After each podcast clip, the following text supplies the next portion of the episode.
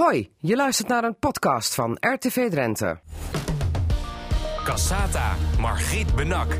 Het is zaterdag 10 november 2018. Goedemiddag allemaal, dit is Cassata aflevering 1031. Over de zaak Willeke Dorst met oud-regisseur Dick Gozenweer, want maandag gaan ze graven in Koekangen. Over de wonderbaarlijke wederopstanding van de kapeerhal in Roden. En hoe Wildlands Emmen uit het diepe dal omhoog denkt te krabbelen. Het radioforum is er zoals altijd en speciale tafelgast is vandaag directeur Peter Sluiter van het Gevangenismuseum Veenhuizen. Want hij gaat ook aan de slag in Frederiksoord en wel met het Huis van Weldadigheid. Dat dus zo allemaal in Casata. Cassata, Margriet Benak. Ja, 26 jaar lang, of beter gezegd bijna 27 jaar, houdt het ons al in de greep. De spoorloos verdwenen Willeke Dorst uit Koekangen. Waar is zij gebleven? Nou, misschien krijgen we daar maandag wel een antwoord op. Want na een burgeractie van twee vasthoudende mannen gaan politie en justitie maandagmorgen eh, graven in Koekangen op een verdachte locatie.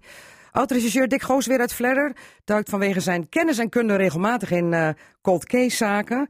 En de zaak Willeke Dorst is er één van, die boeit hem al jaren. Welkom trouwens in Casata. Met alles wat we nu weten, is het nou een hele goede zaak dat ze daar gaan graven? Maandag? Uitstekend, ja, prima. Want? Er zijn voldoende aanwijzingen om daar te gaan zoeken. En dan kun je het ook afsluiten. En anders bl- blijft het jarenlang eh, doorslepen. Dan kun je het ook afsluiten. Dan gaat u er al vanuit dat ze daar stoffelijke resten vinden? Nee, of ze wel of niet gevonden wordt, je kunt dit onderwerp afsluiten. Oké, want dan kunnen we de zaak Willeke Dorst, als er niets gevonden wordt, nog niet afsluiten. Nee, de zaak zelf niet, maar dit wel. an- Anders was dit maanden door blijven zweven. Ja, goed. En, en het is eh, hiermee ook voorkomen dat dan eh, goed bedoelende eh, burgers daar zelf gaan spitten. Want dat, dat is natuurlijk ongehoord als dat gebeurt. Ja, dat is geen handige actie. Het is een, een zaak voor de politie en justitie. Ja. Goed, we gaan er straks uitgebreid verder over praten. Over de zaak eh, Willeke Dorst en alles wat eh, toch in een week tijd eh, heeft vlot getrokken. Want het speelt sinds vorige week vrijdag. Want zoals altijd is er in Casata een tafelgast. En vandaag is dat Peter Sluiter. Bekend al negen jaar lang als directeur van het Nationaal Gevangenismuseum in Veenhuizen.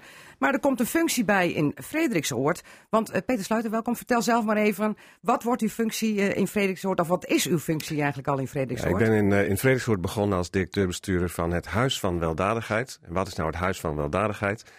Dat is een plek waar het verhaal van de proefkolonie van Johannes van der Bos verteld gaat worden op een hele moderne manier. Ehm, en dat verhaal dat is natuurlijk de ontstaansgeschiedenis van de maatschappij van weldadigheid. Ja, moeten we dan eigenlijk denken aan ehm, een huis van eh, weldadigheid wat straks een beetje vergelijkbaar is zoals het verhaal van de strafkolonie Veenhuizen wordt verteld in uw museum?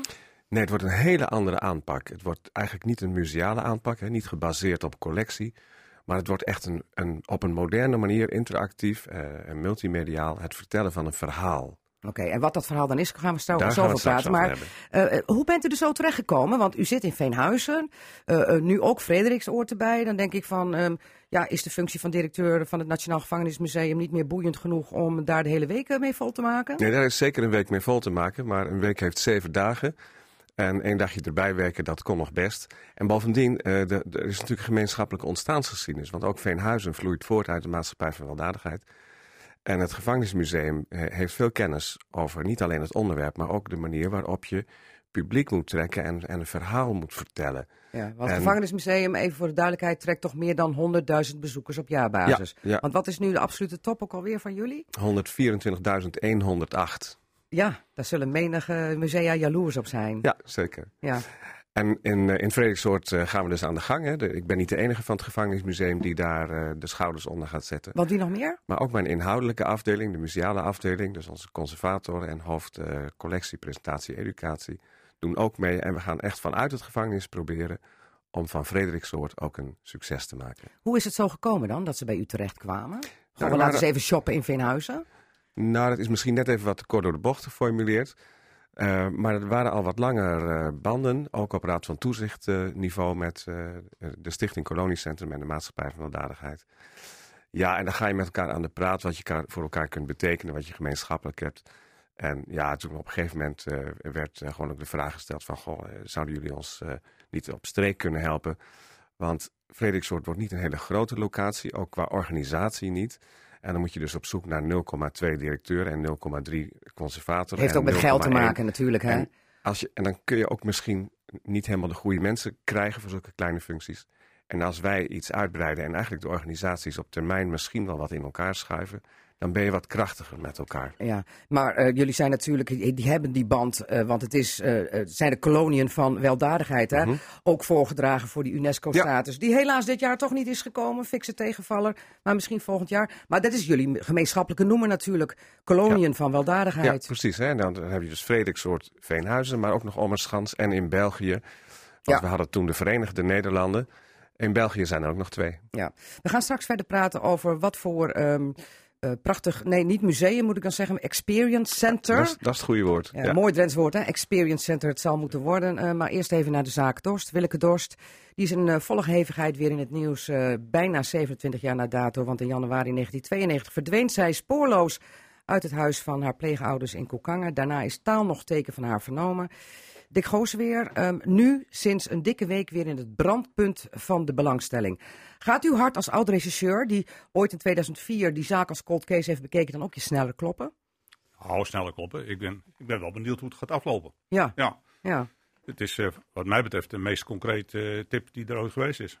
de meest concrete clip, kip, tip, dan heeft u het over de locatie. Over hè, de daar. locatie waar ze zou liggen, omdat die eh, tip niet van mensen komt, maar die komt van gecertificeerde speurhonden. En die zijn over het algemeen betrouwbaarder dan de gemiddelde mens. Maar leg even uit, eh, het is een, een tip dus eh, die eigenlijk al eh, meer dan een jaar oud is. Hè? Ja. Want leg even uit, het- die locatie is aangeroerd door zoekhonden. Ja, er is een televisieprogramma geweest, Team Vermissingen heet dat, meen ik. Ja, van SBS 6 is dat. Dat zou kunnen, ja. En daar was de vermissing van Willeke Dorst een van de onderwerpen. En voor dat programma is er door de honden van de stichting Signy Zoekhonden... is daar eh, in het weiland gezocht. En drie honden van elkaar hebben onafhankelijk van elkaar een bepaalde plek aangewezen. En die stichting Zoekhonden, die, eh, die, bestaat al jaren en die werkt zeer professioneel. En als die honden iets aanwijzen, dan kun je niet zeggen, nou, daar ligt Willeke. Maar dan kun je wel zeggen, hier moeten we gaan zoeken. Ja, want even voor de duidelijkheid, ehm, waar reageren die honden op? Op eh, menselijke lucht. Op menselijke lucht. En in dit geval gaat het om lijkenhonden, dus om eh, lucht van overleden mensen. Ja. In principe. Want het, het, eh, men zei ook, het kan ook zo zijn dat daar iets ligt wat in, me- in menselijk contact is geweest. Zou best kunnen. Nou, maar u zegt van het zijn specifiek lijkenhonden, dus zij zijn aangeslagen kennelijk op een lijkenlucht. Ze zijn aangeslagen op lucht. En wat, waar die lucht vandaan komt, dat moeten ze maandag gaan uitvinden. Ja. maar nou is dat eigenlijk een zoekactie geweest van Stichting Signy Zoekhonden Ja. van vorig jaar. En Ja. in november kwam dat naar buiten via eh, dat tv-programma Vermissingen. Eh, ik heb ook eh Signy Zoekhonden gesproken en die hebben dat rapport opgemaakt. Die hebben ook nog met grondradar gezocht. En die, waren, die beelden waren dermate interessant dat ze dachten we gaan een rapport opmaken bij de politie. Maar in februari zegt de politie dan, wij hebben geen concrete aanwijzing om daar te gaan zoeken. Wat zegt u dan? Ja, dat het niet getuigt van heel veel kennis van zaken. Als je een klein beetje verdiept in de geschiedenis van, eh, van die stichting, dan zie je dat ze al jaren werkzaam zijn op dit gebied en dat ze heel veel succes hebben gehad. Dus ja, het is toch een beetje van eh, onbekend maakt onbekend. En als het niet van de politie is, dan kan het niks wezen. Ja, ja, met andere woorden, zij nemen dan zo'n eh, organisatie als Signy niet serieus, terwijl ze toch heel goed bekend staan. Ik denk dat de meeste politiemensen nog nooit voor zich niet zoekhonden hebben gezocht. En ook niet de moeite nemen even op internet te kijken wie of wat dat is. Maar nou komen deze twee heren ehm, uit Koekangen en uit Emmen, Jan Hussen uit Emmen en Ab Bruintjes, die samen met een tante van Willeke Dorst eh, eh, graag willen weten wat is er nu met het meisje gebeurd. Hè? Die tante die wil dat dolgraag, heeft die mannen ingeschakeld. Die gaan als een soort pitbulls zich vastbijten in die zaak en komen dan op diezelfde stichting, eh Signy Zoekhonden, terecht als dat team Vermissingen wat dan bij SBS 6 is geweest. Maar dan ineens komt het wel in het nieuws omdat zij zeggen van wij vinden het zo concreet dat wij daar anders zelf gaan graven als de politie en justitie dat niet gaan doen. Het is een merkwaardige zaak dat dan onder druk van een burgerinitiatief eh, de politie het nu ineens wel oppakt. Nou ja, kijk, je, je moet je realiseren dat je- er is toen een beslissing genomen. Maar of die beslissing heel verstandig was, objectief gezien, is de vraag. Eh, men heeft daar de zaak mee afge, eh, voorlopig afgehouden. Maar nu komt de zaak in de publiciteit. En als men nu niets gaat doen, dan loopt men het risico dat enerzijds burgers daar gaan graven. En aan de andere kant moet men ook inhoudelijk gaan uitleggen waarom ze destijds niet hebben gezocht. En dan komen er altijd mensen, zo, ook, daar hoor ik ook toe, die zeggen ja, maar dat was gewoon geen goede beslissing. Dus dan moet je gaan afwegen. En in dit geval is het handigste door te zeggen, we gaan het zoeken. Ja, maar het rare is wel dat eh, eh, na dat jaar het altijd stil is gebleven. Hè? Dat de politie uiteindelijk dat rapport van de stichting zich niet, serieus nam en eh, Ja. daar niet op inging. Dat zegt iets over de mensen van niet, dat die dus geen sensatiezoekers zijn. Die doen gewoon hun werk. Die stellen dat vast wat ze gevonden hebben en leveren dat in bij wat dan heet de bevoegde instantie. Ja. Dat zou ik vroeger ook gedaan hebben. Ja. Um, nou is het zo dat die zaak uh, speelt sinds 14, 15 januari. Dat is de nacht waarop Willeke verdween in 1992. Ja. Um, als u nou eens even de gegevens die deze week naar buiten kwamen, hè, die locatie daar achter in het weiland, achter het huis van de pleegouders, in combinatie met de gegevens die we al hebben. Ja. Uh, kunt u dat opzommen dan? Van wat is dan interessant in deze zaak, waaruit blijkt dat het heel interessant is om op die plek te gaan zoeken? Ik, heb, uh, ik ken het dossier, dus ik, ik, ik weet het. Niet, ja, nee, maar voor even voor de luisteraar. Ja. En ik heb in 2004 eerst een analyse gemaakt voor de politie Drenthe. En mijn conclusie was dat het meest waarschijnlijke scenario is dat Willeke in de woning om het leven is gebracht. En dan is het ook logisch om te veronderstellen dat ze daar heel dichtbij is uh, ja, weggewerkt, klinkt onaanbiedig, maar is begraven. Ja, maar even voor de duidelijkheid, men is altijd uitgegaan van ze is weggelopen. Ja, maar dat was niet gebaseerd op feiten. Dat was gebaseerd op het verhaal van de pleegouders. En het verhaal van de pleegouders is een, een, een element, maar je moet ook naar de feiten gaan kijken. En de feiten waren dat het verhaal van de pleegouders op een aantal punten bewust onju onjuist was. Klopte gewoon niet. Nee, maar men heeft het gewoon nooit onderzocht. Nee. En, en toen heeft u in 2004 naar die zaak gekeken ja. als cold case en geconstateerd... Um, hier moet sprake zijn geweest van een misdrijf. Van een misdrijf. Hoogstwaarschijnlijk uh, Willeke heeft, naar mijn mening, nooit levend het huis verlaten. Dat heb ik netjes op papier gezet, samen met een uh, psycholoog uit Drenthe. Harry Timmerman? Nee, niet met, niet met Harry Timmerman, nee, okay. met een psycholoog uit Drenthe. Maar ik weet niet of zij wil dat ik haar naam noem. Goed. En ik werd eigenlijk min of meer uitgelachen. Mm -hmm. De enige die nog een beetje serieus was, was de officier van justitie. Maar de mensen van de recherche die lachten mij eigenlijk uit van wat een onzin. Ja, ja. En toch werd zes jaar later, in 2010, gegraven. Omdat um, Dick Goosen weer, ik geloof een jaar daarvoor, toch weer eens naar de politie stapte. Met, uh, met uwzelfde opmerking, of niet? En, en waarop uh, toch bij de officier van justitie een lampje ging branden van... Goh, die Goosen weer, uh, die zal wel eens gelijk Ja, niet krijgen. helemaal. Kijk, ik heb inmiddels geleerd, dat heb ik straks ook al tegen iemand verteld dat argumenten niet heel vaak tellen in dit soort zaken. Dus wat ik gedaan heb, ik heb een brief geschreven naar de college van, voorzitter van het college van PG's. En we hebben Procureur-generaals. Procureurs-generaals, de hoogste van, baas van justitie. En ik heb uh, via via contact opgenomen met een Kamerlid. En er zijn Kamervragen gesteld. En een paar dagen later werd er beslist dat er een groot uh, team zou komen. Ja. Ja. To volkomen toeval natuurlijk. Het heeft niets met mijn verhaal te maken natuurlijk. Nee, nee, nee, nee. Maar ik zie aan uw gezicht dat het uh, een nee, natuurlijk nee, met het ander te maken heeft. Argumenten tellen niet. Ja, maar goed, er is gegraven destijds. Ja. Uh, uh, het huis is op de kop gezet. Ja. Vloeren zijn eruit gebroken. Een deel van dat bewuste weiland, daar is ook gezocht. Ja. Uh, grote graafactie. Uiteindelijk, en de, de, de pleegmoeder werd verdacht van medeweten dat er uh, iets gebeurd zou zijn in Ja. het huis. Uh, zoon Bart werd ook aangehouden, Ja. hebben lange tijd vastgezeten. Maar er werd niets gevonden. Nee. Zaak geseponeerd. Ja, maar je zei het zelf al, dat er is gezocht op een deel van het terrein. Ja. Was misschien wel handig geweest als men het hele terrein onder de loep had genomen. Ja, want waren toen die tips ook al bekend? Volgens mij wel. Van twee getuigen waarvan de een zegt... ik heb eh, daags eh, na de vermissing eh, in dat weiland op een plek zwarte grond gezien... waaruit zou moeten blijken dat er gegraven is. En een ehm, getuige die 's ochtends de dag van de vermissing zei van... oh, ik reed daar over de Koekanger dwarsdijk en ik zag daar in het weiland... Twee heren lopen, een, een jonge man en een wat Ja. oudere man met een kruiwagen. Ja. Dat zijn toch al tips die al twee keer eerder bij de politie zijn neergelegd. Ja, maar ik, ik heb enige ervaring in dit soort zaken. Je Ja. moet heel voorzichtig zijn met tips. Dus ik zou niet zo gauw aan de hand van zo'n tip een weiland omspitten. Maar als ik toch al aan het spitten was, en er kwam iemand bij, bij me en die zei, maar als je nou 10 meter verder gaat zoeken, want daar heb ik er wel eens wat gezien, dan was het niet dom geweest als me dat er even bijgepakt had. Dan had men al deze commotie voorkomen. Ja, maar nu gaat men toch graven. Ja. Op die bewuste locaties. Ja, onder druk wordt alles vloeibaar. Hè? Ja, ja, ja, onder druk wordt alles vloeibaar. Maar stel, er worden toch stoffelijke resten gevonden. Ja. Wat dan? Wat geeft dit dan nou, aan? als die stoffelijke resten van Wilke, Wilke zijn, dan is, eh, is dat, kan dat hoofdstuk dicht. Dan weten we waar ze gebleven is. En dan kan het kind netjes begraven worden. Ja, maar dat zegt toch ook dan iets over de politie? Ja, maar ik vind het niet een goed moment om nu daar heel uitgebreid commentaar op te geven. Eh, laten we blij zijn dat ze de beslissing hebben genomen om te gaan zoeken. En na de zoekactie weten we meer. Dan weten we of het meisje er wel ligt, of dat ze er niet ligt. En daarna is vroeg genoeg om nog commentaar te geven. Maar goed, stel, eh, stel als, maar ja goed, stel dat die stoffelijke resten er liggen, dan weten we het verhaal natuurlijk nog niet. Nou, het verhaal weet de politie van de groot gedeelte wel, want ook het onderzoek in 2010 heeft dat nodig opgeleverd aan informatie. Vertel het verhaal. Nou ja, dat eh, er steeds meer aanwijzingen gekomen zijn dat Ineke, of, eh, Willeke niet levend het woning heeft verlaten. Dat er allerlei dingen mis waren. Dat de meisjes in dat pleeggezin niet veilig waren. Er zijn ook, is ook een ander meisje gehoord die ook eh, seksueel werd lastiggevallen daar.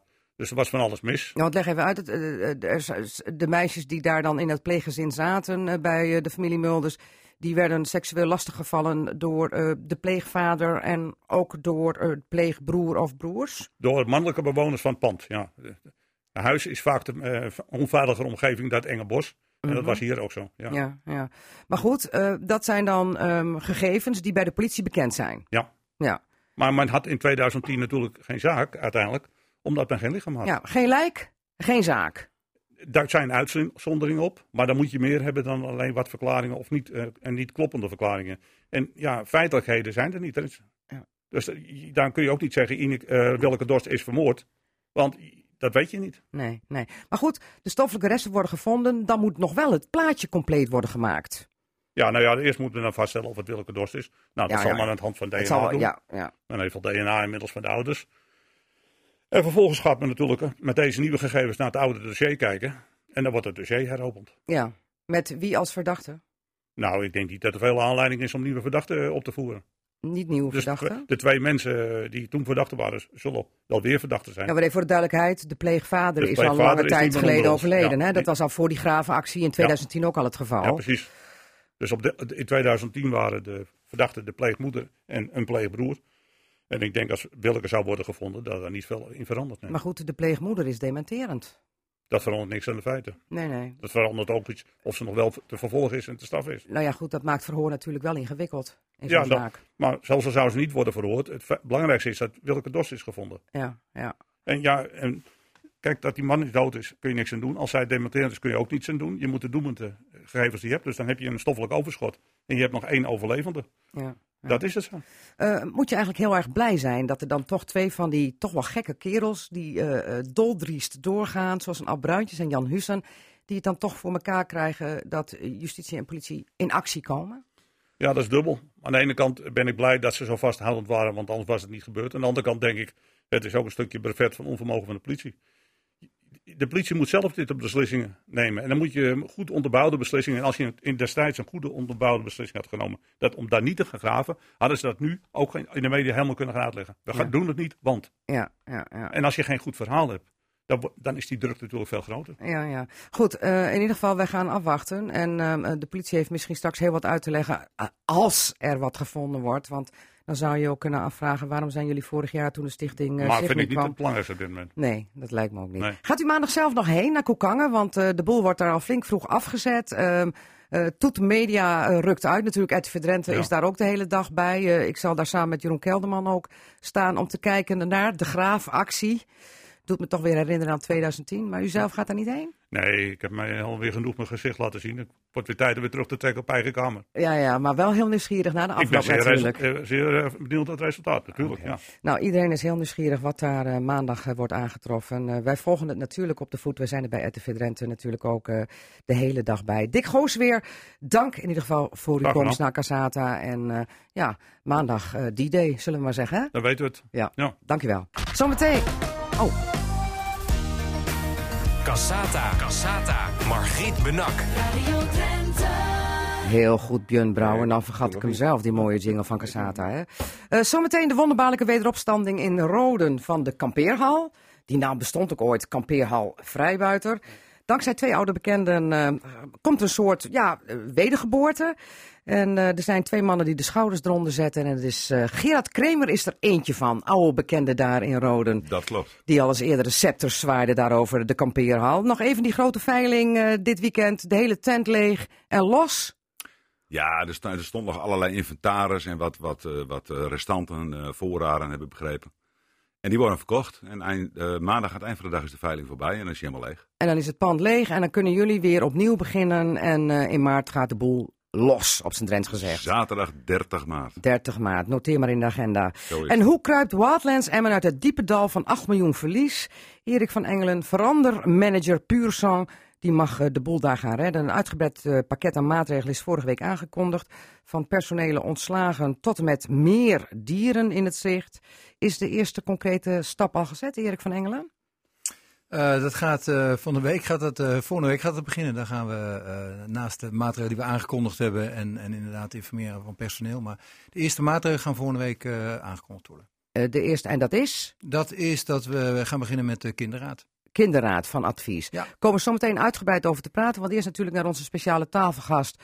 Het Huis van Weldadigheid in Frederiksoord, uh, waar een soort experience center moet komen. En Peter Sluiter, die is directeur van het Gevangenismuseum in Veenhuizen, maar tegenwoordig ook directeur in Frederiksoord. Want, zegt hij, een week heeft geen vijf dagen, maar zeven. En dan laat ik de zesde dag mij maar eens in Frederiksoord vertonen. Zo is ehm, het. zo is het. Uh, wanneer gaat trouwens het vrijbuiten gaat eind maart open? Wanneer is het de bedoeling dat het uh, Huis van Weldadigheid, waar u nu de schouders onder moet zetten, samen nog met andere mensen vanuit het uh, gevangenismuseum, wanneer gaat dat open? Dat is de bedoeling dat dat rond 1 mei open gaat. De officiële opening zullen we ietsje later doen. Maar uh, voor het publiek open, dat is de bedoeling uh, begin mei. U zei uh, zojuist, toen we het erover hadden, het moet niet zoals het gevangenismuseum een museale tentoonstelling worden. Het moet worden met een mooi Drents woord een experience center. Leg uit, ik stap daar over de drempel per 1 mei en waar kom ik in terecht als bezoeker? Nou, in, in, in de 19e eeuwse stad. die 19e eeuwse stad, begin 19e eeuw, die had eigenlijk twee gezichten. Er waren natuurlijk uh, de, de, de prachtige gevels, 17e eeuwse gevels en de, de welvarendheid was er. Maar als je even verder doorliep, dan kwam je bijvoorbeeld in de Jordaan, in een soort hè, achterbuurt. Wat even voor duidelijkheid, we gaan terug naar het westen. Daar waar Ja. ooit de paupers die naar Drenthe Precies, moesten, naar de ja. koloniën. Daar ligt eigenlijk de kiem van Ja, alles. en dat, dat is ook belangrijk om daar naar terug te gaan. Want anders begrijp je niet voor welk probleem Johannes van Bos een oplossing bood. En de, de stichter hè, van de, De koloniën. stichter, ja. En dus je komt terecht in, de, in, eigenlijk in de ellendige omstandigheden van de 19e eeuwse stad, waar twee eh, hongersnoodjaren waren geweest, omdat oogsten waren mislukt. Napoleon was net uit Nederland, had Nederland ook een beetje leeggeroofd, zeg maar. Dus je, je komt in de grauwe ellende, daar stap je binnen. En dan ga je ook snappen dat dat zo niet langer kon. En dat er dus een plan moest komen om aan die ellende een eind te maken, of althans te verminderen.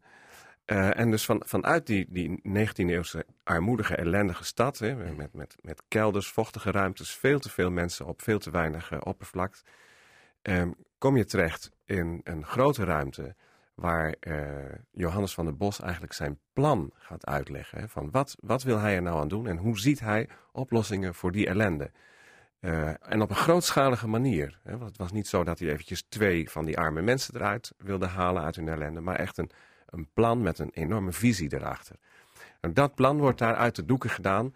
En vervolgens komen mensen in een derde ruimte. En in die derde ruimte, daar vindt nog allerlei verdieping plaats, onderwerpsgewijs. Wat deed Van der Bos dan bijvoorbeeld met onderwijs of met arbeid? En hoe was het om, zeg maar, uit zo'n achterbuurt in een eh, vroeg 19e-eeuwse stad terecht te komen op dat Drentse platteland. Waar je, ah ja, mensen hadden nooit een schoffel of een hark in hun handen gehad, maar moesten wel als een soort boer aan de gang. Want Hoe het- was dat? Want het was even voor duidelijkheid, Frederiksoord is uitgekozen als regio omdat dat heel geschikt was om daar landbouw te gaan Ja, het was eh, eigenlijk ontwikkelen. een tweesnijdend zwaard. Het was de, de mensen uit de ellende proberen te halen. Maar omdat men ook wel geleerd had van die hongersnoodjaren...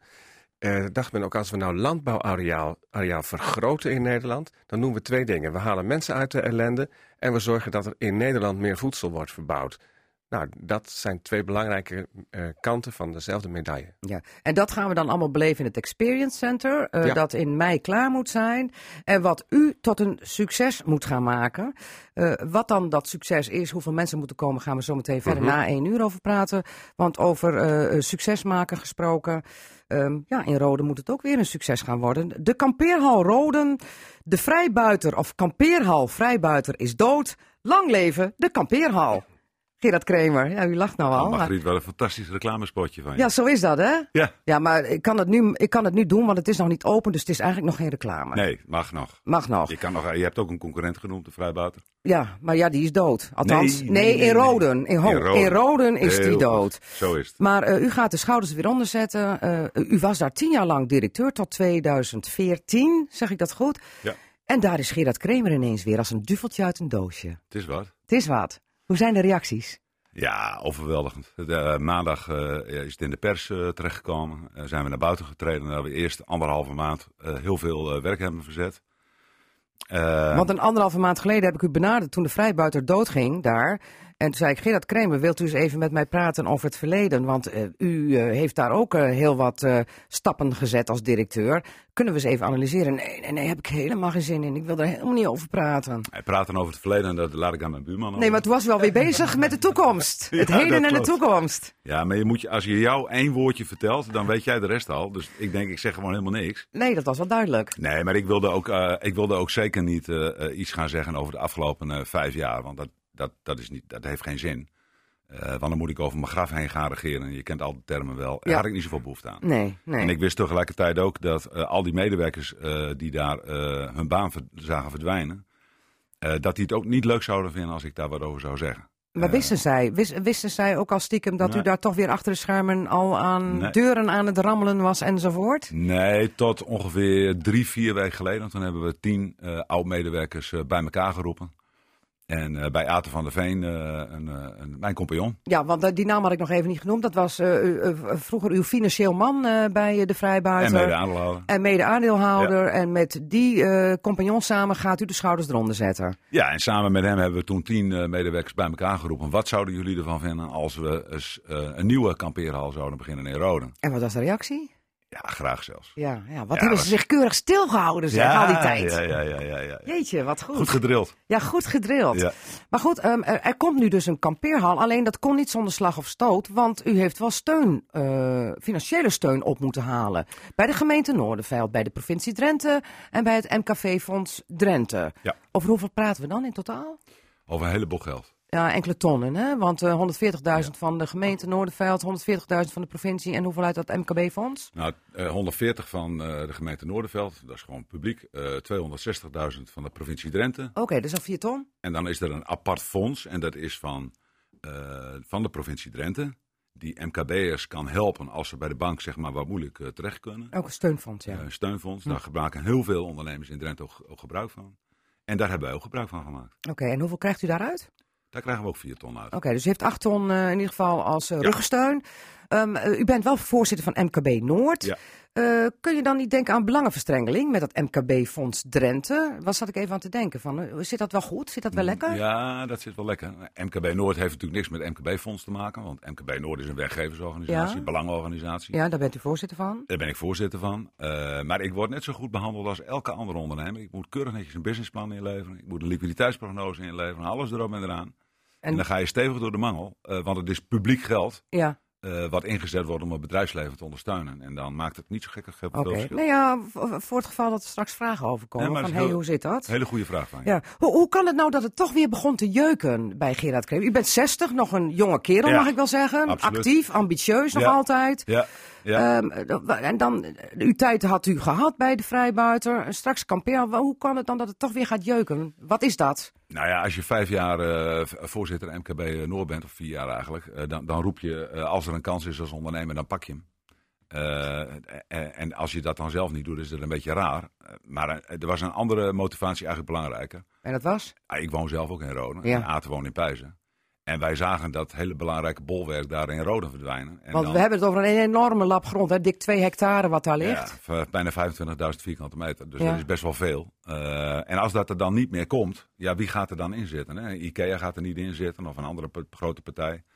En dan moet je elke dag langs een leeg pand rijden waar je tien jaar lang jouw kindje is geweest. Ja. En dat, dat is een emotionele reden om te zeggen, ja, maar dat kunnen we niet laten gebeuren. Maar goed, om een emotionele reden ga je het uiteindelijk niet doorzetten. Ondernemers Want willen onderaan de streep altijd geld verdienen. daarom, Zeker. en dus die, vanuit die emotie Ja. is het opgekomen. Ja. Aten zei ook gelijk, goh Gerard, ja, ik zie er wel uh, Ja, Aad en ik hebben altijd maar een paar woorden. Ik heb altijd een hele hoop woorden nodig. Aad Ja. altijd maar één woord. Is goed, jong. Is goed, jong. En, eh, maar toen zijn we natuurlijk heel serieus naar de cijfers gaan kijken. Hè? Want als je bij de curator geïnteresseerd bent om het over te nemen, dan moet je een geheimhoudersverklaring tekenen. En dan mag je de cijfers zien.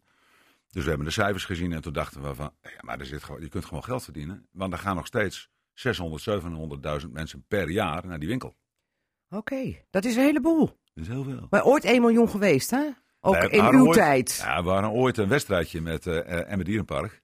Ja. eh, wie de meeste bezoekers had. En wij hebben een keer gewonnen. Oh ja, met Ja. hoeveel toen? 1,2 miljoen. 1,2 miljoen. En u, eh, eh, u, u ziet kans om de helft in ieder geval minimaal op jaarbasis weer terug te halen naar Roden. Als ik naar de reacties kijk, Margriet, op, op Facebook en op alle social media, eh, overweldigend. Ja. Eh, en dan wordt het heel spannend, eh, want om 10 uur op 30 maart gaat de kampeerhal open. Ja. En ik denk dat ik om 7 uur al bij de ingang sta om te kijken of er al auto's op de parkeerplaats staan. Ah joh, die staan daar in rijen dik voor de deur. Want jullie gaan natuurlijk beginnen met dikke kortingsacties. Hè, want zo gaat dat dan. Jazeker. Maar, ehm, Nou, ik wil eigenlijk wel heel graag iets voor ons publiek doen. ja. En eh, jij hebt altijd hele goede connecties. Eh, eh, ze zeggen altijd, vragen altijd aan mij of ik een broer van Jannes ben. Jannes. Ja, Jannes? Jannes ken je wel toch? Ja, onze, de zingende Onze Jannes. Jannes. Ja, onze Ik Jannes. wil eigenlijk Jannes wel de hele dag bij de, bij de kampeerhal hebben. Jannes. Ja. Nou ja, dat is makkelijk te regelen, Een mooi toch? feestje. Jannes, als je dit hoort, eh, bel Gerard Kramer. En anders heb ik zijn nummer wel. Je, je moet zingen bij de kampeerhal in Roden. Een mooi feestje 30 maart, noteer maar vast in je agenda. Helemaal goed. Goed, ehm, maar dan nog even wat anders. Dan zegt u van 600 tot 700.000 mensen op jaarbasis moet je kunnen halen. Waarom gaat het dan mis met die vrijbuiter? Ja, dan ga je mij, ga je mij dwingen om, eh, om eh, misschien iets te vertellen over waarom het fout gegaan is. En dat weet ik eerlijk gezegd niet, omdat ik er niet bij was. Wat ik wel eh, kan doen, is kijken wat er op, op social media geschreven is toen het Ja. niet ging. Ja, En wat je dan las, was dat mensen zeiden, de kennis was weg uit de winkel. De vrijbuiter was te duur. En wat mensen opschreven, letterlijk opschreven, nogal wat, de ziel was eruit. mhm. Ja, dat de is ziel altijd, was eruit. Ja, dat is altijd een beetje ongrijpbaar. Ja, is toch ook iets emotioneels, denk ik, en ongrijpbaars. Maar soms, eh Margriet, eh, kom je een winkel binnen en dat voelt goed. Mhm. En soms kom je een winkel binnen en dan loop je er één minuut naar rond en denk je, maar ik vind niks. Nee, En als ze jou dan vragen hoe komt dat, kan je het niet uitleggen. nee, nee. Maar de ziel komt er weer in. De ziel komt erin, zeker Oké. En als ik zeg van de wonderbaarlijke resurrection of de wederopstanding, dan zegt Gerard Kramer... Het is de geboorte van een mooi nieuw kind. De geboorte van een nieuw mooi kind. Maar u gaat het zelf niet doen, hè? Nee. Waarom nou, niet? Nee, eh Aad en ik gaan in eerste instantie eh, de boel eh, opbouwen. Beetje de baas spelen. Maar de- wij zijn oude mannen. Nou, Aad is trouwens tien jaar Nou, jonger. oud, oud. Ah, nee, kom op. Kom op. Eh, het- 60 maar- is niet oud. Nee, maar er zijn twee jonge mannen van eh, 34 en 35 jaar die heel veel ervaring bij de vrijbuiter hebben. Maar intussen ook buiten de vrijbuiter. Dat is ook eh, een van uw zoons, hè? Richard eh, Ja. Kramer en Harmian Pol. Mhm. eh, die vijf jaar bij een hele grote website gewerkt heeft in Nederland. En eh, ja, die zijn er op dit moment al druk bezig. En eh, dat zijn uiteindelijk de mannen die het in de toekomst moeten doen. Oké. En eh, wethouder Henk Kosters deed ook even een ronde dansje van Noorderveld. Want die was ook dolgelukkig, denk ik, dat daar in ieder geval niet één grote kale vlakte komt. Henk. Kosters deed een rondedansje. Henk Brink stond bovenop het bureau te dansen. Eh, en ik moet ze allebei een compliment geven. Want als er twee van die ondernemers komen met zo'n wild plan. Ja. en dan roepen we willen graag steun hebben, maar we hebben wel haast. Eh, en dat wordt dan ingevuld. Dan is dat denk ik toch wel een beetje een compliment waard voor eh, Henk Brink en eh, Henk Kosters. Oké, goed. Eh, ik zie ze al een rondedansje maken eh, op 30 maart om 10 uur als Jannes gaat zingen. Henk en Henk en Gerard Kremer erachteraan. Eh eh dankjewel voor je komst en eh, heel veel succes met alle voorbereidingen naar die eh, nieuwe kampeerhal Roden. Cassata.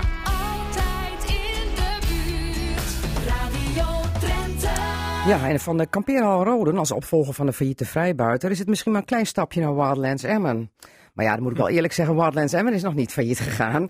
Maar zit wel met een heel dik probleem, namelijk 8 miljoen tekort. De directeur vertrok een tijdje geleden al, Frank van Beers. Want die zag de bui natuurlijk al hangen van die miljoenen tekorten. En nu mag veranderen manager Erik van Engelen, zo noem ik u toch maar even, eh, even de boel daar flink opknappen. Toch? Ja, klopt. En Zo dat, klopt het eh, helemaal. Klopt helemaal. En dat U zit ook er- aan doen. Ja, u zit er nog geen maand en dan moet u bekendmaken, eh vorige week vrijdag 8 miljoen tekort. Ja, dat ja, klopt. Ja. dat is geen leuke boodschap. Nee, dat is geen leuke boodschap. Maar eh, volgens mij was het nu ook wel tijd om de dingen bij eh, de naam te noemen en ook eh, helderheid gaan scheppen. Daar is wel, heb ik gemerkt, heel veel behoefte aan. Ja, want is het stof nu een beetje neergedaald na de eerste schok? Want bij de redactie van hier bij RTV Drenthe dachten wij ook, ook zoiets van... jongen, jongen, 8 miljoen tekort, dat is niet misselijk. Nee, dat, eh, dat- daar kan ik ook niks aan afdoen. Dat is ook, dat is ook echt een eh, groot verlies. Ja, nou komen er nogal wat eh, veranderingen. Ehm, eh, personele ontslagen, vijf tot 15 mensen moeten eruit. Is er de eerste ontslagaanzegging al geweest? Nee, dat kan niet. We hebben, tenminste, mijn, mijn doelstelling was om zo snel mogelijk openheid van zaken te geven. Ja. betekent ook dat je dus nog helemaal niet weet om welke functies het gaat. Dus dat is een traject wat we met de OR doorlopen. Dus je kunt al twee dingen doen. Of je kunt wachten tot je alles weet, maar dan eh, eh, ja, ga je eigenlijk een hele tijd niks zeggen. En mijn voorkeur en onze voorkeur was om zo snel mogelijk openheid te geven. En dat betekent dat mensen nog tot nou, begin 2019 even in onzekerheid moeten leven. Maar eh, ik vond wel belangrijk om, om gewoon eigenlijk te vertellen zo- hoe we ervoor stonden en wat de consequenties waren. Ja, gewoon de eerlijke boodschap, zeg ik dan maar even. Want Ja. hoeveel eh, mensen werken er vast bij Wildlands? Ongeveer 160. mensen 160. vast. Ja. Nou ja, goed, dat is nog een heleboel personeel. Maar het is ook Ja. een enorm groot park natuurlijk. Maar eh, dat is dan een maatregel. Meer dieren. Want dat is toch wel iets wat vanaf meet af aan, toen Wildlands open ging, kritiekpunt geweest. En dan denk ik, jongens, hadden jullie dat een jaar geleden al niet moeten doen? Ja, dat, is, eh, dat, is, eh, dat kun je inderdaad eh, afvragen. Dat kun je met heel veel maatregelen ook afvragen. Ehm, en ik merk ook, ik bedoel, ik heb, ik heb natuurlijk niet de ervaring die jullie hier allemaal hebben in de buurt. Maar ik heb natuurlijk heel veel gelezen en ook heel veel gehoord. Ik ben ook heel veel georiënteerd op social media. En eh, nou, een van de dingen die we ook gezegd hebben, is dat we veel te laat gereageerd hebben op Ja. heel veel signalen die er, die er ook allemaal waren. Ja, maar nou bent u zelf gepokt en gemazeld in het bedrijfsleven. Ja. U heeft eh, Fortis, eh, geloof ik, Ja. zaken gedaan, ING. Eneco, Allemaal grote. Eneco, allemaal grote bedrijven. Dan denk ik toch van, hoe heeft men dat dan niet kunnen zien? Want er is al een jaar lang, zelfs twee jaar lang gezegd... het is een mooi park, het ziet er mooi uit... maar dit markeert eraan, dat markeert eraan en zus markeert eraan. En niemand acteert, alleen men reageert terug van... ah joh, geef het de tijd. Er is te veel tijd eh, verloren gegaan, denk ik toch, of niet? Denk ik ook. Ja, ja. Ja. Dus u pakt nu door. Eh, wanneer gaan we meer dieren zien? Eh, ja, dat is, dat is dan weer niet zo makkelijk. Dus Want er dat zijn- kost geld, hè? Nou, dat kost, alles kost geld, maar dat kost En ook dat hebben geld. jullie niet. En dat hebben we, eh, nou, we hebben wel geld, alleen we hebben tegelijkertijd ook een tekort. En het liefst zo snel mogelijk, alleen met dieren is het niet zoals met, ik heb in consumentengoederen gewerkt, ik heb bier verkocht. Ja. En daar is het heel anders, dan zet je een machine aan en dan komt er een fles gevuld bier komt er, uit, althans uit de brouwerij. Dan pomp je gewoon meer flessen vol. Ja, hier is het iets subtieler, maar zo snel mogelijk. Dat, dat, zo moet ik het dan zeggen. Ja, zo snel mogelijk. Wat is haalbaar? Wat is realistisch? Wanneer zo snel mogelijk? Nou, dat weet ik niet. Het heeft met twee dingen te maken. Eigenlijk beschikbaarheid met dieren, zeg maar, en, en de passendheid. Hè. Dus nogmaals, het is niet zo, ik, ik kan dat niet bepalen. Dus we Nee. moeten met onze experts bekijken. Ja. En aan de andere kant we ook nog met een financieringsissue. Eh, Ja, want leg even uit. U heeft eh, volgens mij eh, voor bijna 60 miljoen geleend bij de gemeente. Of althans, de Rabo, bij de Rabobank geleend en de gemeente staat garant. Nou, we hebben drie financiers. Dus de Rabobank, eh, Volker Wessels en, eh, en de gemeente. Ja. We zijn eigenlijk met die drie financiers zijn we nu aan het kijken hoe we, zeg maar, eh, nou, in ieder geval onze fi- financieringsbehoeften kunnen invullen. Ja, er moet een lening, er moet opgehoogd worden. Ja, En dan moet de gemeente weer garant voor gaan staan. Nou, het moet ieder geval opgehoogd worden. Ja. En, eh, en we moeten met z'n drieën moeten eruit komen. Eh, nou, die, die gesprekken verlopen uiterst constructief. Ja. En ook daarvan begin eh, 2019 eh, hopen en moeten we daar ook duidelijkheid Ja, in, want van dat geld moet u dan die veranderingen kunnen doorvoeren, want anders kunt u niks. Nou, we kunnen wel een aantal dingen wel doen. Dus we kunnen hè, voor een heel groot deel gaan we ook in ons eigen vlees snijden. Dat moet ook. Zeker als je een verlies laat zien dan... Zoals met het eh, personeel. Zoals met het personeel, maar ook nog veel meer. Dus uiteindelijk uit in de kosten die we kunnen beïnvloeden gaan we ongeveer 25% eh snijden. Dat is echt veel. Ja. Eh, en daarnaast gaan we inderdaad kijken wat we kunnen financieren. Dus een deel kunnen we wel doen. En, en voor een deel van de investeringen zijn we inderdaad afhankelijk van de nieuwe afspraken die we gaan maken. ja, dat is een belangrijk ding, maar vooral die bezoekers, hè, die komen niet. 1,2 miljoen zijn er nodig om kiet te draaien en ook nog wat geld over te houden voor nieuwe investeringen. Maar dat, dat zijn bedragen. Hoe komt het die bedragen? Want die, 1,2 miljoen bezoekers, dat is altijd gezegd. We moeten 1,2 miljoen bezoekers trekken als Wildlands. ja, U bent daarvan afgestapt nu. Ja, ik ben er vanaf ik. gestapt. Ja, want volgens mij, eh, dat is zo als je uitgaat van een huidige kostenbase. Maar Ja. eh, daar moet je dus, eh, ja, ik bedoel, wij, wij kunnen niet anders dan nu daar al op acteren. Ja, u Dus- snijdt er daar al in, Ja, dus dan heb je ook in. niet 1,2 miljoen bezoekers meer nodig. Precies, nee, klopt. Maar wat is het minimale wat jullie moeten hebben als Wildlands om in ieder geval weer een beetje nou, vooruit te kunnen? Nou, we, gaan, we hebben één, één getal hebben we bekendgemaakt, dat is 940.000. Dat betekent 100.000 bezoekers meer dan eh, dit jaar. Ja. Eh, dan we dit jaar eh, denken te doen aan het eind van het jaar. En, en dan denken we nog dat daar wel wat rek in zit. Eh, en dat moet dan gaan zorgen uiteindelijk voor, een, eh, nou, in ieder geval voor zwarte cijfers. Ja, want de prijzen gaan ondertussen ook onderuit, fix. Eh, dat moet ook meer bezoekers trekken. U gaat de regio er meer bij betrekken. Hoe gaat u de regio er meer bij betrekken? Emmen gaat u erbij betrekken. De hele provincie Drenthe wilt u erbij betrekken. Ik heb niet zoveel tijd meer, maar wat gaat u doen? Nee, dan ga, ik heel, dan ga ik ook heel snel praten. Nee, dat vind ik echt, ik vind het heel doodzonde als je kijkt naar wat je, eigenlijk je, eigen, je, je echte klanten zeg maar zitten in de regio, vind ik. Ja. Daar moet je ook goede banden mee hebben. Ik vind ook dat als je een, een dierenpark hebt, dan ben je dat dat eindstand verplicht. Eh, die hebben we echt eh, eh, nou, onvoldoende verwelkomd of onvoldoende goed behandeld. Dus daar zijn we inderdaad, hè, of, of nou met de businessclub is, of met de ondernemers, of wat ik net vertelde, hè, de, met de kinderen. Ja, daar komt de kinderraad van advies, hè? dat klopt, ja. Dus ik wil echt ook ge- geïnspireerd worden en mijn collega's ook met de, door de oren en ogen van, van kinderen die er veelvuldig rondlopen en die nou, uiteindelijk ook weer ambassadeurs zijn. Dus het kweken van ambassadeurs, wat niet gebeurd is, daar gaan we echt, nou, dat, dat, dat vind ik eigenlijk speerpunt nummer één naast alle financiële eh, Ja. gebeuren. En banden aanhalen met het bedrijfsleven, zoals net als vroeger. Kortingkaartjes, als je maar genoeg tenten koopt bij eh, de kampeerhal. Ja, ik begreep dan het ga net, je ik begreep gratis het naar net. de dierentuin Ja, met een kaartje. Ja, nou of het gratis wordt, weet ik niet. Nee, maar, eh, één kaartje gratis of kaart, korting. Ja. Is dat nog iets? Nou, ik vind ik wil eigenlijk alle activiteiten moeten goed bekijken. Ja. Eh, dus eh, absoluut. Maar eigenlijk openstaan voor al dat soort mogelijkheden, dat moeten we veel meer doen dan we gedaan hebben. Hoe lang zit Erik van Engelen hier als verandermanager? Eh, dat weet ik niet. Ik wil in ieder geval, eh, als ik wegga, wil ik in ieder geval eh, de zaak heel goed achter hebben gelaten. Ja, ja, want daar is nu geen sprake van, hè, hoe Frank van Beers het achter heeft gelaten.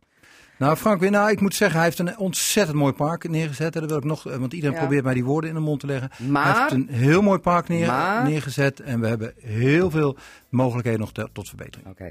Erik van Engelen, eigenlijk tijd tekort. Ik eh, verwelkom u graag nog weer eens een keer in Cassata. Succes met al die maatregelen om toch van Wildlands een succes te maken. Dit was de eerste uur Cassata. Zometeen het vervolg met het laatste half uur. Dus blijf luisteren. Tot zo.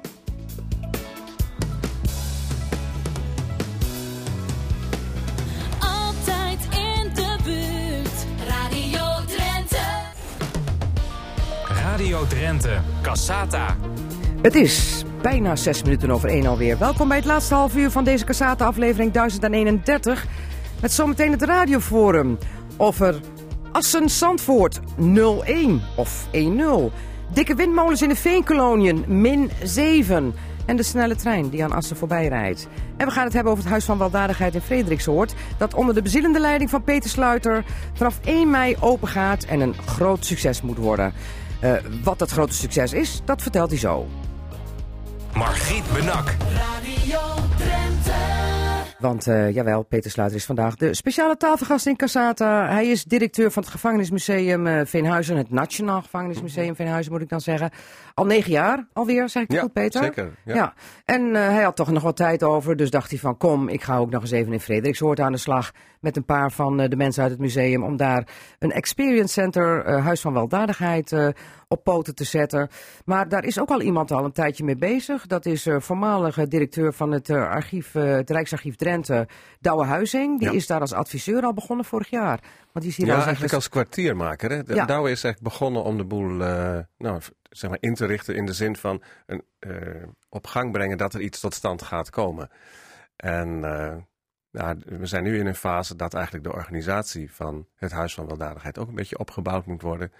En Douwe haakt na 1 mei af. Mhm. En dan moet ik als het ware ingedraaid zijn en ik moet ermee verder. Ja. Maar in deze periode, het half jaar wat we samen nog hebben, is het eigenlijk zorgen dat, er, eh, dat, dat we iets vormgeven waar hij mee begonnen is en waar ik mee verder kan. Ja, en, en in hoeverre als we dan die beleveniswereld van 200 jaar terug instappen. Hè? Met, eh, Mhm. We komen even terug bij de geveltjes en de armoede en de ellende van de Jordaan in Amsterdam. Daar waar de paupers ooit eh, vandaan kwamen Ja. en hier naartoe naar Drenthe werden gehaald. Eerst naar Frederiksoord en later naar de strafkolonie Venhuizen.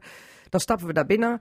Ehm, maar hoe ervaar je dat dan? Gaan we dan allemaal via technische snufjes eh, dat eh, ervaren aan den lijve? Ja, Hoe moet ik dat me voorstellen? Ja, het, het, het heeft, zit ook natuurlijk veel techniek in. Dat, eh, dat, dat hoort nu eenmaal tegenwoordig bij presentatietechnieken. Maar we willen er ook wel gewoon dingen in hebben waar je een beetje een warmer gevoel bij krijgt. Hè. Techniek is vaak een beetje kil, maar je moet ook dingen kunnen beetpakken, voelen. Dat heet tactiel met een mooi woord. Tactiel? Ja, kan het ook niet helpen. Ja, geen tactiel, maar tactiel. Nee, tactiel. Maar er moeten zeg maar tactiele kwaliteiten in zitten. Je moet ook echt een beetje het, het, het gevoel erbij krijgen. Het is niet alleen maar cognitie en waarnemen en rationeel naar kijken. Nee, je moet ook iets gaan Maar voelen. waar zit ik aan dan, om het even plat te zeggen? Aan wie zit ik, aan wat zat, Nou, zit aan, ik? aan wie, dat doen we niet.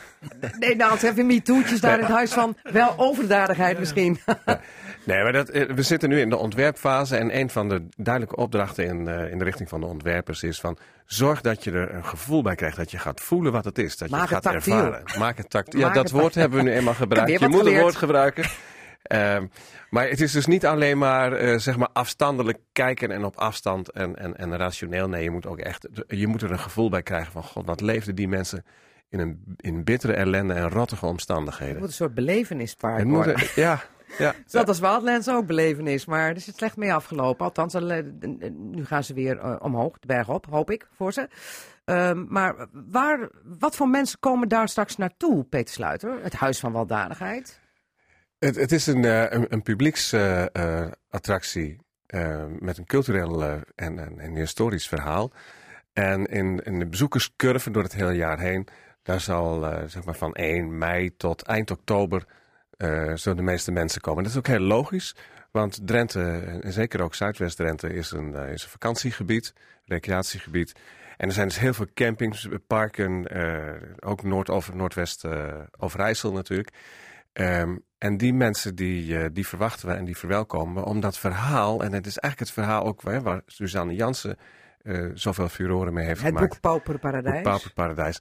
Dat verhaal, wat eigenlijk een substantieel deel is van de Nederlandse geschiedenis van de laatste twee eeuwen, om dat te, te gaan vertellen en te laten ervaren. En natuurlijk is het zo dat eh 1 op de 16 Nederlanders heeft voorouders gehad eh, in de koloniën van weldadigheid. En dat weten Ja. die mensen nog niet allemaal. En Er zit hier iemand aan tafel die een afstammeling is van eh Paupers. Want eh, Jacob Bruintje zit hier en Erik Siens in verband met het radioforum Nee. zometeen. Nee? Nee. Ik heb ook al, al even Nou, ik heb, eh, Ja. nee, vooral dat weet ik niet, maar heel vroeger heeft nog wel een oom van mij in Veenhuizen gezeten. Dus. Ja, in Veenhuizen Nou, wel gezeten. gezeten hebben. Ja, dat is voor wat anders, denk Ja, ik. Ja, dus, maar, dus in die Borreltje op of zo. ja, we willen niet verder op ingaan. Maar De ik- drankrijders zaten er ook nog dat, eh, Ja, Veenhuizen wel bekend begrip. oké. Maar of in de familie daar ook al geweest is, ik, ik, het is eh, niet, niet een naam die eh, eh, aan, de, aan de westkant van Nederland veel voorkomt. Nee, nee, nee. Maar ja, bij bruintjes bakken ze ze wel bruin, hoor ik nu net. Maar, Mijn vader was maquettebakker. dus- oh ja, ook dat nog. maar Peter Sluiter, er is namelijk een tijdje lang een, Ja. een link geweest. Als je de provincie Drenthe de website opzocht, dan kon je zelf uitzoeken of je pauper was geweest. Hè? Ja, daar- dat is nog zo hoor. Alle kolonisten en alle Drenthe.nl. ja. Dan kun je dat nog, eh, Ja, op nazoeken. Maar goed, en nie- nie- niemand aan tafel. Ook de technicus Björn Brouwer niet. Nee hoor, niemand stamt af van. Maar goed, ehm, maar die mensen die daar naartoe komen, vakantiegangers, Mhm. toeristen, die het verhaal willen weten. Maar ja, het verhaal van Frederiksoord is natuurlijk toch wat minder interessant misschien als dat van Veenhuizen. Want Veenhuizen heeft iets met strafkolonie Ja. te maken. En daar gaat het boek van Suzanne Jansen ook over. En daar is niet zo'n boek over Frederiksoord. Ja, dat is er wel. Oh ja? Eh, Wil Schakman heeft geschreven De Proefkolonie. En dat gaat echt over die beginjaren van, eh, van Van de Bos. ja, maar dit is een historisch document. Het is Nee, toch dat niet is een zeker- roman? Nee, het- nee, het is zeker geen roman. Maar ik vind eerlijk gezegd het verhaal van Suzanne Jansen ook niet echt een roman. hoor. Dat is ook een combinatie van, van werkelijkheid en Maar ja, het heeft wel, het heeft wel voor een enorme opleving gezorgd. Bij Zeker. jullie ook in het gevangenismuseum. Nee, zeker. We hebben twee jaar lang eh, Theater Pauperparadijs eh, binnen de muren gehad. Maar het, het, de oorspronkelijkheid, het oorspronkelijke verhaal van armoedebestrijding, grootschalige armoedebestrijding, dat komt echt Frederiksoord toe. Ja, ja. Maar goed, u zei al van, ehm, eh, er is meer wat ons bindt dan dat ons scheidt. Dat is in het verleden wel eens anders geweest, hè, tussen Veenhuis en Frederiksoord. Want toen werd eh, heel hard getamboureerd op het eh, fenomeen, goh, Veenhuis is zo bijzonder, dat moet maar eens werelderfgoedstatus Ja. krijgen. En toen stak Frederiksoord daar de vinger op, hallo, wij zijn Ja. er ook nog en wij zijn eigenlijk de moederkolonie. Ja, nou, dat is achteraf is gezien, eh, dat is achteraf gezien terecht geweest dat toen de vinger is opgestoken. En het is ook waar, eh, dat initiatief is eh, in Noorderveld eh, begonnen. Burgemeester Hans van der Laan heeft daar een belangrijke rol in gespeeld. En later eh, is om terechte redenen eh, Wester, gemeente Westerveld Frederiksoord aangehakt. Ja, maar uiteindelijk hebben die status niet gekregen. En het is Nog maar de vraag. gekregen. Het is straks nog maar Ja. de vraag of dan, als die status er komt, of dan Veenhuizen er ook bij zit, toch? Nou ja, ik vind de, de opstelling van de provincie daarin wel een hele krachtige.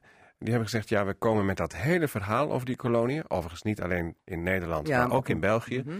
En we blijven vasthouden aan een nominatie voor het hele verhaal. En we gaan dat niet opknippen. Dat Alles of niets? Onterecht. Nou, daar komt Oké. het eigenlijk op neer. En ehm, ehm, heeft u er al zicht op wanneer dat nu ongeveer duidelijk zal worden? Want loopt dat een beetje parallel met de opening van het Huis van Weldadigheid, eh 1 mei? Nou ja, de, de, de indruk die er, nu ligt is dat het eh, voor de zomer opnieuw wordt beoordeeld. En dan zou het samenvallen. Maar ik moet eerlijk zeggen, ik heb op eh, de hele procesgang daarvan Hm. niet, niet alle zicht hoor. Dus het zou ook best later kunnen worden, ik weet het niet. 1 mei open, dan in het najaar weer gesloten? Of blijft Nee, het, nee, nee, nee, zeker niet. Nee, Het het, is hele, het hele jaar open. hele jaar open. Hoeveel Ja. bezoekers eerste jaar?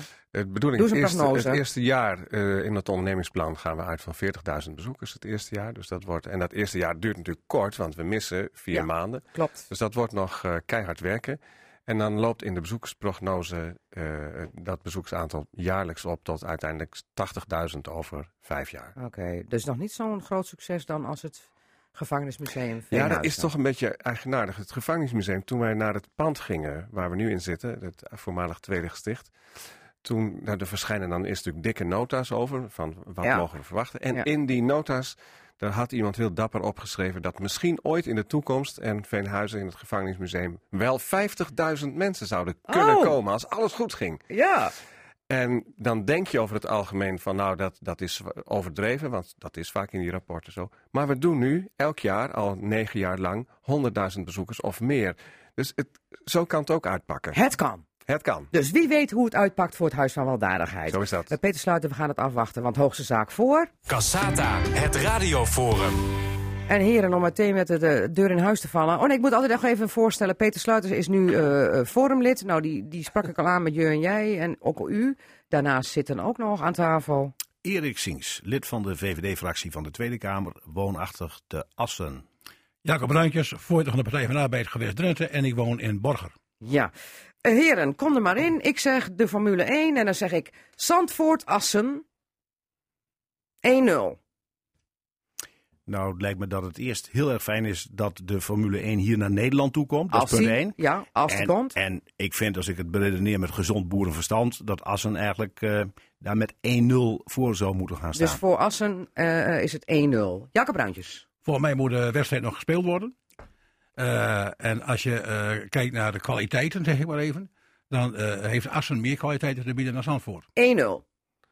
Peter Ja, Sluiter. ik, ik, ik ben het met, met Jacob Bruintjes eens. Assen heeft een circuit dat er gewoon ligt met faciliteiten. Nou, bereikbaarheid, dat, eh, dat is hier prima. Zelfs een eigen afslag van de A28. Heeft al wel eens Dat- een hele dikke file opgestaan, hè? Ja. Al. Ja, nou, als er één keer in het jaar een file staat, dan mag dat. En dat schijnt in Zandvoort een probleem te zijn, die bereikbaarheid. Maar ja, Zandvoort tamboureert een beetje op, eh, op historische redenen. Maar ik moet eerlijk zeggen dat... En die dat hebben een prins. Ja, maar ik ben nog van de historische redenen, nog van het optreden En dat zegt prins. iemand als directeur van het gevangenismuseum en het Huis van Ja, Weldadigheid. ik, ik was er niet van onder de indruk. Nee, Nee, van, nee. van die argumentatie. Ja, die met Zandvoort. niet. Met Omdat het daar ooit begonnen is, moet je het daar ook weer doen. Ja, dat vind ik echt nergens Oké. over gaan. Dus kunnen wij constateren hier in het forum dat het 3-0 is nu voor Assen. Aan ons ligt wel. dat, dat lijkt er wel op. Hè? Oké. ja, maar we moeten nog afwachten. We moeten nog afwachten. Maar ehm, eh, toch zegt ook nu Jos Vazen, die hier het circus Formule 1 naartoe moet halen. Van nou, ik denk toch wel dat Zandvoort met 1-0 voor staat. In verband met het feit dat eh, ook die FOM, hè, die internationale organisatie, het ook wel een heel mooi plaatje vindt. Dat racen zo met de duinen op de achtergrond en die zee. En dan ook nog een prins die dan eigenaar is van het circuit. Dat zijn toch wel een paar dingetjes waarvan Vazen zegt van nou ja, dat, dat hebben wij dan weer tegen. En daar, daar worden ze bij de FOM, ik zeg het even heel plat, let maar op mensen in Drenthe, worden ze bij de FOM een beetje geil van. Dat vinden ze fantastisch. Ja, is zou- dat ook voorstelbaar? Ja, kijk, dat zou best zo kunnen zijn. Maar als je het goed beredeneert. Kijk, allereerst moet er natuurlijk geld op de plank komen, hè, van buitenaf. Ja, 20 Eh, miljoen voor een ja, fee. En dat, dat geldt voor Zandvoort, maar dat geldt natuurlijk ook voor Assen. Eh, het tweede is, als je kijkt naar de infrastructuur, het werd hier net al genoemd. Ja. Ga gewoon eens op een zomerse dag naar Zandvoort. Ik ben zelf met de Jumbo-dagen daar ook nog even geweest. eh, toen Verstappen daar ook eh, reed. En dan, dan merk je dus dat die eerste dag, toen en het mooi weer was. En dat verkeer kwam allemaal eh, vast te zitten daar. dan sta je uren in de file. Zijn de races voorbij? En dan zijn de races voorbij. Ja, ja. Dus ja, zijn de- mooie de- races als je ze kunt zien, maar dat is de vraag. Hè? Ja, dan moet je op je telefoon waarschijnlijk kijken Ja, met een het. live verbinding. In de en auto, hoe- ja. Hoe, hoe de races verlopen. En, en bij ons is dat gewoon, ja, dat is, dat is beter georganiseerd. Maar iemand zei van, dat maakt de FOM helemaal geen bal uit. Die denken van, dat is een lokaal probleem, moeten ze daar maar oplossen. Wij gaan voor het mooie plaatje en wij Ja, gaan dat voor plaatje op dat valt in Drenthe ook te schieten hoor. Want dat Ja. TT-circuit ligt helemaal niet zo ver van bijvoorbeeld het Vochteloorveen. Uniek, prachtig uh, nou, dichterbij het Witterveld. Witterveld. Er zijn in Drenthe, als er ergens mooie plaatjes en mooie beelden te schieten zijn, dan is het toch bij ons? Ik voel het aankomen. ook. Ik voel Ja. het aankomen, jongens, 3-0. Maar eh, eh, eerst moet er in ieder geval nog definitief inderdaad die Formule 1 races aan Nederland worden toegewezen. En dan gaan we wel kijken wie er met de poet vandoor gaat. Maar we hadden in ieder geval een mooi filmpje van collega Andries Ophof deze week op televisie. En die is zelfs al in het Engels vertaald, dus eh, eh, die gaat mondiaal. En misschien zegt de FOM dan wel, oh, fan- fantastic, Drenthe, Drenthe Assen. Assen Yes? first. Eh, Assen first. Oh, nee, de, de slogan is nu Hup Assen, hè? Want er zijn wel een paar stoute ondernemers die, eh, die borden in Zandvoort neerzetten en Ja, ja. spandoeken Ja. ophangen. Ja. Leuke actie? Ja, ik vond het een leuke actie. Ja? Jacob? Leuke actie? Ja, ja, ah, dus er moet, er een, beetje, een, reuring? beetje, een beetje prikken is goed. Ja, Humor hoort erbij. humor hoort erbij. Goed. Ehm, wat beslist geen humor is en waar ze in Assen en Drenthe helemaal niet om kunnen lachen, is het experiment met die supersnelle trein. Waarbij dus een verbinding tussen, het Rand, tussen de Randstad en het Noorden tot stand komt. Maar het Noorden is maar een heel smal begrip. Want het gaat om een trein die dan vervolgens niet in Drenthe stapt, stopt, niet in Assen. Maar gewoon doorreest met 160 km per uur naar station Groningen. En dan zegt Peter den Oudsen, de burgemeester van Groningen. Nou, dat is in het belang van het Noorden. En dan zegt Harmke Vlieg, wethouder van Assen. En Henk Brink, gedeputeerde van Drenthe. Allemaal nooit niet. Men kan toch zomaar niet de hele provincie Drenthe overslaan. Hebben ze een punt, Peter Sluiter? Nou ja, ik, ik, ik zag het ook in de krant, dat verhaal van de burgemeester en oudste. En wat ik mij afvroeg of het niet verstandig zou zijn dat hij een opticien zou gaan bezoeken. Want ik, ik, ik vrees dat hij enige bijziendheid, eh, dat hij aan bijziendheid leidt. En dat hij als gevolg daarvan, hè, als je bijziend bent, dan kun je, als het iets verder van je af is, het allemaal niet zo scherp meer zien. En dat zijn gezichtsveld, zijn blikveld ophoudt bij de stadsgrenzen van Groningen. En, ehm, en, en, en er is meer dan Groningen. Ja. Jacob Ruitjes? Ja, want, want eh, de kaartjes die ik heb gezien, dat zou niet alleen Assen, maar ook zelfs Zwolle overgeslagen worden. Ja, Eh, eh, dan denk stopt ik hij als van, eh, eerste in Lelystad nou, of in Almere. Ja, nou ja. nou, Eén van die Almere, twee. Almere, dacht ik. Almere. Lelystad, Lelystad ook. Lelystad Lelystad ook overgeslagen. Dus, dus eh, eh, er slaat heel veel over. Dus eigenlijk wordt een trein naar nergens dan. Een Dus zweeftrein. Dus dan moet je. Met maar niemand je- erin. je- de- ik, ik ben het met Peter eens. Als je ziet van. eh, eh, eh, de, vroeger, ik kom uit Groningen oorspronkelijk. ja, over stad en ommeland. En dit gaat alleen maar over stad. Maar volgens mij, als je naar Groningen en Drenthe kijkt en de hele regio kijkt, is ommeland groter dan de stad. En ik kijk daar nou eens beter naar. Ja. Erik Sings, Ik had gisteravond een eh, politiek café in Groningen, of althans in Winschoten. Maar, eh, provincie. Groningen. Ja. En eh, daar waren diverse Groningers die mij daarop aanspraken. En die zeggen, goh, wat eigenlijk een raar idee. Hè, om eh, alleen maar Groningen te kenmerken als zijnde Noord-Nederland. Ja. Want er komen heel veel mensen rondom Groningen, vaak naar Assen toe, om op de trein te stappen. Omdat hier volop parkeergelegenheid is. Dus die denken, hey, hier zitten we helemaal niet op te wachten. Zelf reis ik met de trein. Eh, als je hier op eh, dinsdagochtend om 7 uur op het station staat, nou, dan moet je soms al om een plekje vechten. Dus het zou heel erg dom zijn eh, dat je inderdaad Assen zou overslaan. Het is natuurlijk altijd goed dat we met elkaar streven voor een snelle verbinding. En daar is ook altijd solidariteit in geweest. Dus en hier vind ik eigenlijk de component van de solidariteit eigenlijk een beetje ondersneeuwen. En dat vind ik erg jammer. Ehm, en dat, eh, dat doet eigenlijk Drenthe tekort, omdat wij ons vaak heel erg solidair ook verklaren met de provincies Groningen, maar ook met Friesland. Maar staat hiermee ook niet die noordelijke samenwerking onder druk en de regiovisie Assen-Groningen, waarbij men krachtig eendrachtig optrekt om het noorden eh, een mooi neer te zetten? Nou. Want den oudste, die, die, die, die, waarvan Peter al zei, van, nou, die is bijziend, die ziet het even niet goed. Ja. Eh, Harmke Vlieg was ook not amused over Peter den Oudste. Eh, nou, hoor. De Harmke- relatie staat onder druk volgens mij. Vlieg heeft daar ook gelijk in. Ik heb ook begrepen dat Henk Brink, die heb ik hierover ook nog even Ja. gebeld. Ik ben namelijk woordvoerder spoor in de Kamer. Dus, eh, Oh ja? Prachtig, ja, ja, ja. dat Ga je er was- nog werk van maken dat Was, dan? dat was je even ontgaan. Ja, nee, ik, ik, ik, ik had al gedacht, eh Erik Singh spoort niet, maar Ja, toch. Nee, maar, maar, ik, kom- maar, ik kom, maar ik kom wel uit een goed milieu. Want ik doe namelijk ook milieu. Ja, ja, dus ja. wat dat betreft, eh, beide onderwerpen. Maar nee, als het gaat eh, om, om Assen aan zich, eh, heeft Harmke Vlieg volledig gelijk. Ja. Ze sluit ook aan bij het gesprek wat Henk Brink nog heeft. Op met, eh, 29 Van Bokstel. november met Roger van Ja, ik Bokstel. dacht 28 of 29, maar in ieder geval... die in D66-goeroe Peter Sluiter die jij ook even eh, aan zijn jas kan trekken? Nee, Nee, niet meer? nee, Oké, want jij bent ook toch D66? eh, niet meer. Ook niet meer. Oh, oh, oké. Maar goed, ik denk dat de, in- de, inzet, de inzet zou moeten zijn simpelweg dat je met elkaar gaat voor een snelle verbinding. En dat je eh, goed eh, zicht hebt, in ieder geval op de stations, waar gewoon ook veel passagiers in gaan stappen.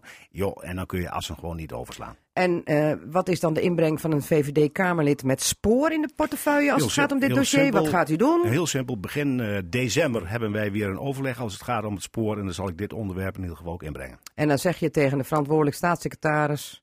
Dan zal ik daar de vraag stellen van eh, hoe ver het is met het experiment. En of dat inderdaad tot doel heeft om Assen daarin ook over te slaan. En ik zal er ook de component gezond boerenverstand nog even inbrengen. Ja, ja, dan zegt u met gezond boerenverstand moet je toch eigenlijk eh, zeggen... ook moet de trein stoppen in Assen. En Ja, eh, ja. Dat, dat, lijkt, dat lijkt mij in ieder geval een zeer goed voornemen. Sterker nog, dat moet gewoon. Dat moet gewoon. Nou, nou, duidelijk. heeft Nederland Noord ook nodig. En dat we af en toe wat gezond boerenverstand aan Den Haag brengen. Ja, heel goed. Ehm, over gezond boerenverstand gesproken. Er zouden voor 150 megawatt aan windmolens komen in de Veenkoloniën met de parken Oostermoer en de Drentse Monden. Zeg ik dat goed? Ja, dat zeg ik goed. Ja. Maar nou hebben ze bedacht, die mannen, die windboeren, gezond boerenverstand, slim boerenverstand, Wij zetten daar hele dikke, dikke turbines neer. En die zijn 210 meter hoog en die hebben een mooi aantal wattages, waardoor we eigenlijk straks komen op 175 megawatt. Oh oh, zegt de P van de Drenthe, dat kan niet, dan kunnen de zeven molens weg. Nee, nee, zeggen de windboeren, er is nooit gezegd eh, maximaal 150, gewoon zo rond de circa. En we hebben 45 windmolens toegewezen gekregen. Wat moet er gebeuren, heren? Schrappen een rij windmolens of moeten de windboeren toch eh, ja, van die windhandel profijt hebben met die dikke molens? Jacob Nou, Bruintjes. de vraag is eh, eh, eh, je- wat moet en wat kan. Hè? Dat is, en wat men wil. Maar wat vind En- jij dat en- er nu en- moet gebeuren? Moeten Nou er ja, zeven ik- molens ik- af ik- of niet? Ik vind dat hij eraf zou moeten, maar dat vond ik acht jaar geleden al toen we de discussie begonnen. Want toen was ik wethouder in de gemeente Borgeroodoorn. ja. En toen heb ik al gezegd, eh, eh, kijk, de Tweede Kamer heeft met een crisis- en herstelwet de stoombals naar buiten gereden. Waarin de minister achter het stuur plaats kon nemen om over het hele gebied heen te walsen. ja. En de Tweede Kamer heeft die stoombals nooit weer teruggevorderd. Nee, maar we gaan Dus nu even het naar altijd, heden. ja, dus heeft het altijd daar laten liggen. Mhm. Eh, en dus ook alles eh, wat bepaald is hierom, is ook altijd eh, vanuit, het, mini- vanuit het ministerie bepaald. En daar heeft niemand een terugtrekkende beweging op gemaakt. Nee. Ja, er worden moties ingediend. Ja. Nu ook weer van de Partij van de Arbeid, ook van, van de CDA. Ja. Iets, iets slappere motie. Maar goed, er worden moties ingediend. Doe er wat aan. Maar geef nu eens antwoord Maar op de vraag. Nou, formeel, zeg maar even, dat is juist het probleem. Dus deze hele procedure gaat nooit zo gemoeten. Nee, dat vindt zo langzaam Daar is iedereen. het iedereen het over Maar eens. formeel klopt het. Wat Dus de, klopt? Nou, als de boeren formeel zeggen, wij gaan er gewoon dit neerzetten.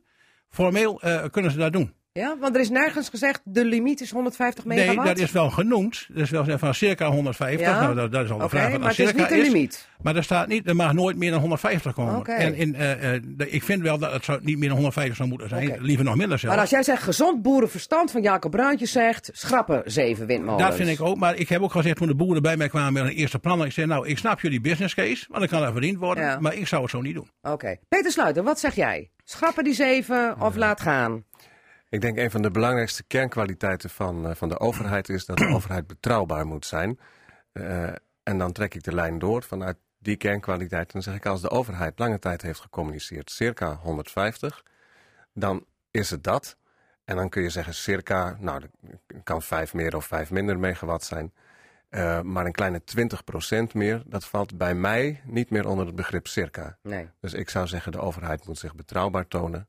Want dat willen wij als Nederlanders ook Ja. graag. En in dit dossier is er al van alles misgegaan en hebben ze al gezegd, zo moet het nooit ja. weer. Dus zou je dan misschien op deze manier met het schrappen van nog een rij, want bij Gastenij Vezemond willen ze nog wel een rij kwijt, want dan Nou zitten ze wat- ingesloten. wat- hoe er precies ingevuld moet worden, daar laat ik me gewoon even niet over uit. Daar ga ik ook niet over. Maar Nee. ik vind wel dat je, dat je eh, als gebaar, hè, want Ja. het, het, ge- het gebied heeft wel een gebaar nodig. Als je het hebt over betrouwbare overheid, Ja. denk ik dat in het gebied eh, weinig mensen te vinden zijn die vinden dat ze met een betrouwbare overheid te maken hebben. Een betrouwbare overheid. Kom er maar in, Erik Ja, nou, de zaak is vergund.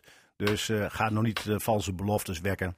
Heel simpelweg, die zaak is vergund. Spul wordt gebouwd, eh, streep eronder. En eh windenergie, dat straks, als het een keer wat kouder wordt, hebben we in ieder geval elektriciteit om de voetjes te warmen. En dan wel om het licht te laten branden. Eh, op een zeker moment moet je ook een streep onder zaken zetten. Maar jij niet of zegt niet- hard waait als het koud is. Ja, maar, maar, maar jij zegt niet van, eh, er is al zoveel fout gegaan in dit dossier. En men heeft allemaal ook wiebes toegegeven. Zoals we het in de veenkolonie hebben gedaan. Zo moet het nooit weer. Zou het dan niet toch een kleine handreiking zijn om te zeggen... windboeren, alles goed en wel. Als jullie er van die hele dikke turbines van 210 meter hoog neerzetten... doe er dan zeven minder. Ja. En laten we Daarvoor, nou, wat zeg jij en- dan? En, dan, dan stel ik de vraag terug van, in hoeverre werkt dat nu met al die windmolens die dan komen, dat er zeven afgaan? Dat plaatje Nou ja, dat is, niet... dat gas- en wordt niet echt- Nijvezenmond zit Nou, zeg dat tegen de mensen in het gebied. Hè, van, oh, dan maakt, ah, die zeven windmolens maakt toch niks Nou, uit. eh, dat- Erik, volgens nog mij- even, volgens zeg mij- dat tegen de volgens- mensen in het Volgens gebied. mij eh, luisteren ze naar dit programma, mag Ja. ik aannemen. Want volgens mij heel Drenthe luistert toch naar Tuurlijk. Ja, natuurlijk. Dus, eh, ook heel verstandig. Ik heb gezegd, streep eronder, klaar. En niet van die grote krokodillentranen. Want ook die heer Bruintjes weet heel goed dat de point of no return, om het goed, op zijn goed Drents te zeggen, is inmiddels wat dat betreft. In 2010 al, toen de minister gewoon een brief stuurde in een demissionair kabinet na de gemeenteraadsverkiezingen. Van, eh, eh, want het was niet eh, controversieel verklaard. Dus de minister mocht gewoon de gang gaan, Maria Verhoeven.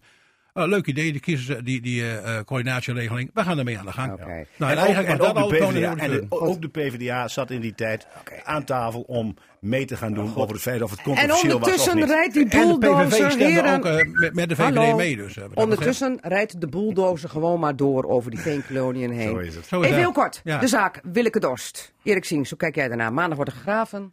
Ja, het is eigenlijk eh, van de zotte dat eh, de mensen deze actie hebben moeten aankondigen om uiteindelijk eh, de groep zover te krijgen dat ze ook inderdaad actie gaan ondernemen. En dan heb ik het over de Ja. politie. Ja, ja. Jacob Bruintjes? Ja, ik kan, niet kort. voorspe- ik kan niet voorspellen wat de uitkomst is, maar ik vind het wel verstandig dat nu uiteindelijk eh, eh, de overheid dit gewoon gaat doen. Ja, en niet eh, burgers gaan Nee, graven. moet de overheid moet zijn verantwoordelijkheid nemen. Peter tot, sto- tot slot? Ik heb er niks aan toe te voegen. Niks aan toe te voegen. Nou, eh, heren, eh, dank u wel voor de inbreng eh, in dit radioforum van Casata. Wij gaan kijken of eh, het gezond boerenverstand ook in eh, Den Haag zal gaan zegevieren. Windboerenverstand. Nee, niet windboerenverstand, gezond verstand. Eh, in ieder geval is het eh, hier wat jullie betreft eh, 3-0 voor Assen met eh Zandvoort. En eh, die trein moet stoppen in Assen. We gaan zien of eh, staatssecretaris eh, zal luisteren en ook de NS. En anders grijpt Erik Sings in december in de Tweede Kamer in. Jacob Bruintjes forumlid, Erik Sings forumlid, dankjewel. En Peter Sluiter. Succes met het Huis van Weldadigheid in Frederiksoord. Dit was, Dankjewel. Dit was Casata, aflevering 1031. Zometeen veel plezier met het programma Volkoren. En volgende week zijn wij er weer met Casata. Wat mij betreft, fijn weekend en tot dan. Dag.